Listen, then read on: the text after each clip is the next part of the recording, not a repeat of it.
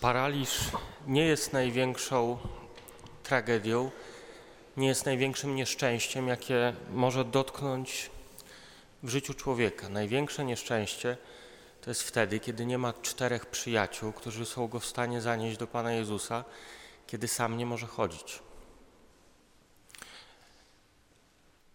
Ale to muszą być specyficzni przyjaciele. To nie jest taka przyjaźń um, zwyczajna. Bo to muszą być przyjaciele, którzy po pierwsze nie są tylko wedle ciała i wedle krwi, ale wedle ducha. Bo to są tacy przyjaciele, którzy są w stanie zauważyć, że coś się z nami dzieje nie tak, że jesteśmy sparaliżowani, że nie potrafimy dojść do Pana Boga. To nie jest takie proste mieć w życiu czterech przyjaciół, którzy mają taką intuicję duchową, że są w stanie zobaczyć, że się duchowo z nami coś nie tak dzieje. To wcale takie oczywiste nie jest. Ale to muszą być też przyjaciele, którzy mają determinację, że są w stanie faktycznie przeciskać się z tymi naszymi noszami przez tłum, pokonywać trudności, zaprzeć się i faktycznie robić wszystko, żeby nas do Pana Jezusa przynieść. To też nie jest takie, to też nie jest takie oczywiste. Wreszcie to muszą być tacy przyjaciele, którzy mają coś, co się nazywa wyobraźnią miłosierdzia. To, muszą, to znaczy muszą wiedzieć, co trzeba rozebrać, jaki dach, żebyśmy się znaleźli przed Panem Jezusem. O, już bardzo trudne. To już trzeba mieć naprawdę, to już trzeba mieć naprawdę zmysł. To już trzeba mieć naprawdę wyobraźnię miłosierdzia. To już jest duża, to już jest duża sprawa. To nie jest łatwo mieć w życiu czterech ludzi, którzy będą nieśli nasze nosze. I powiem Wam, że jest nas dzisiaj bardzo dużo, a wydaje mi się, że tak gdybyśmy spojrzeli uczciwie w nasze życie, to mało kto mógłby powiedzieć, że ma takich czterech przyjaciół w życiu. Mało kto.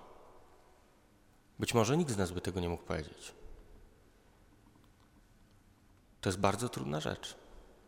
Tak żyć, żeby mieć czterech takich przyjaciół którzy są blisko Pana. Mało tego, to, jeszcze muszą być, wiecie, to jeszcze muszą być tacy przyjaciele, których wiara zrobi takie wrażenie na Chrystusie, że Chrystus nas uzdrowi na ich prośbę.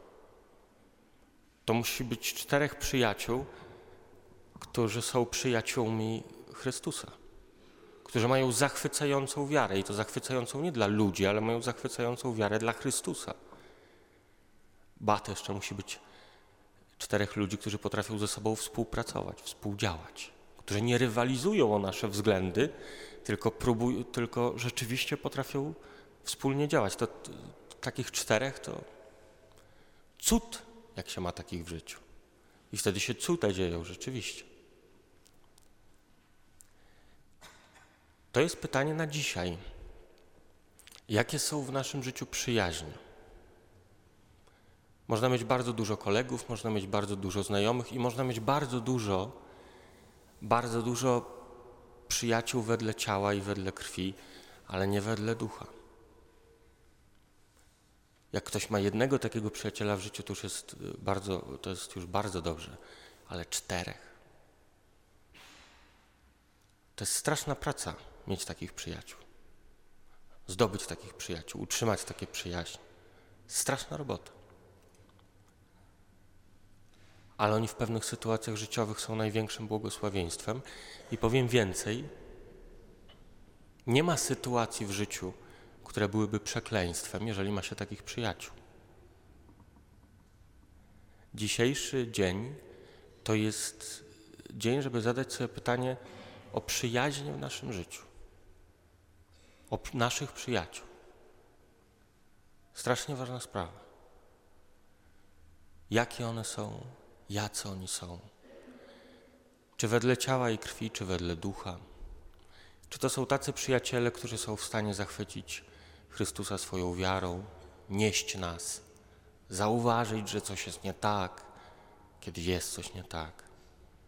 Którzy mają wyobraźnię miłosierdzia. Pytanie o to, czy mamy takie przyjaźnie, to jest w istocie pytanie o to, czy jesteśmy w kościele. Czy jest kościół wokół nas. Ale nie jakiś abstrakcyjny albo nieznany, tylko takich czterech. Czy jest taki kościół wokół nas? No i to jest drugie jeszcze pytanie, też na dzisiaj. A czy ja jestem kimś, kto stoi przy czyichś noszach? Albo potencjalnie przynajmniej mógłby stać przy czyichś noszach? Czy ja jestem dla kogoś takim przyjacielem, kto jest blisko Chrystusa po to, żeby widzieć, że ktoś się od Niego oddala? Kto, jest tak, kto ma taką intuicję duchową w sobie, wypracowaną przez obcowanie z Chrystusem, że zobaczy, że z kimś się dzieje nie tak. Że ktoś się, ktoś ulega paraliżowi i nie może iść do Chrystusa. Czy jestem kimś, kto potrafi zebrać grupę, żeby pomóc swojemu przyjacielowi? Czy jestem, jestem kimś, kto potrafi uparcie nieść czyjeś, no, czyjeś nosze? Czy się szybko zniechęca?